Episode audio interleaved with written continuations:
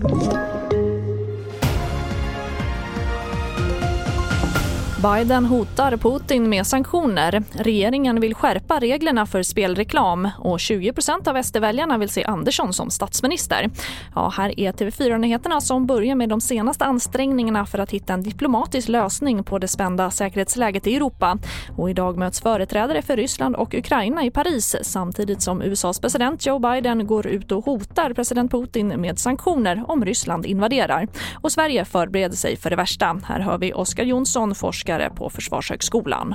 Bara om man tittar på det senaste dygnet så har Försvarsmaktens materielverk gått upp i kris och krigsberedskap. Eh, Utrikesdepartementet har avrått från resor från Ukraina. I förrgår drog eh, USA och Storbritannien tillbaka familjerna till sina diplomater i Kiev kopplat till en förhandlingslösning som inte fungerar. Och det sa alltså Oskar Jonsson, forskare på Försvarshögskolan.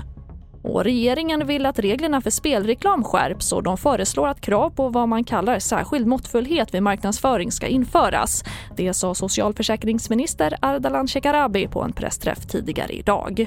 Marknadsföringen av spel om pengar måste uppfylla särskilt höga krav på ansvarsfull och försiktig utformning vid marknadsföring av riskfyllda spelformer.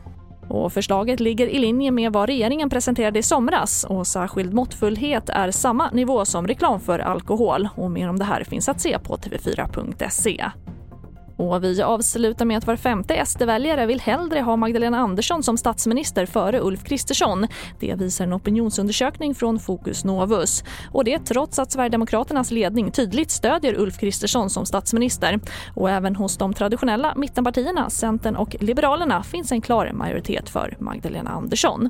Och det får sätta punkt för den här sändningen. Fler nyheter det hittar du allt på vår sajt tv4.se. I studion nu Charlotte Hemgren.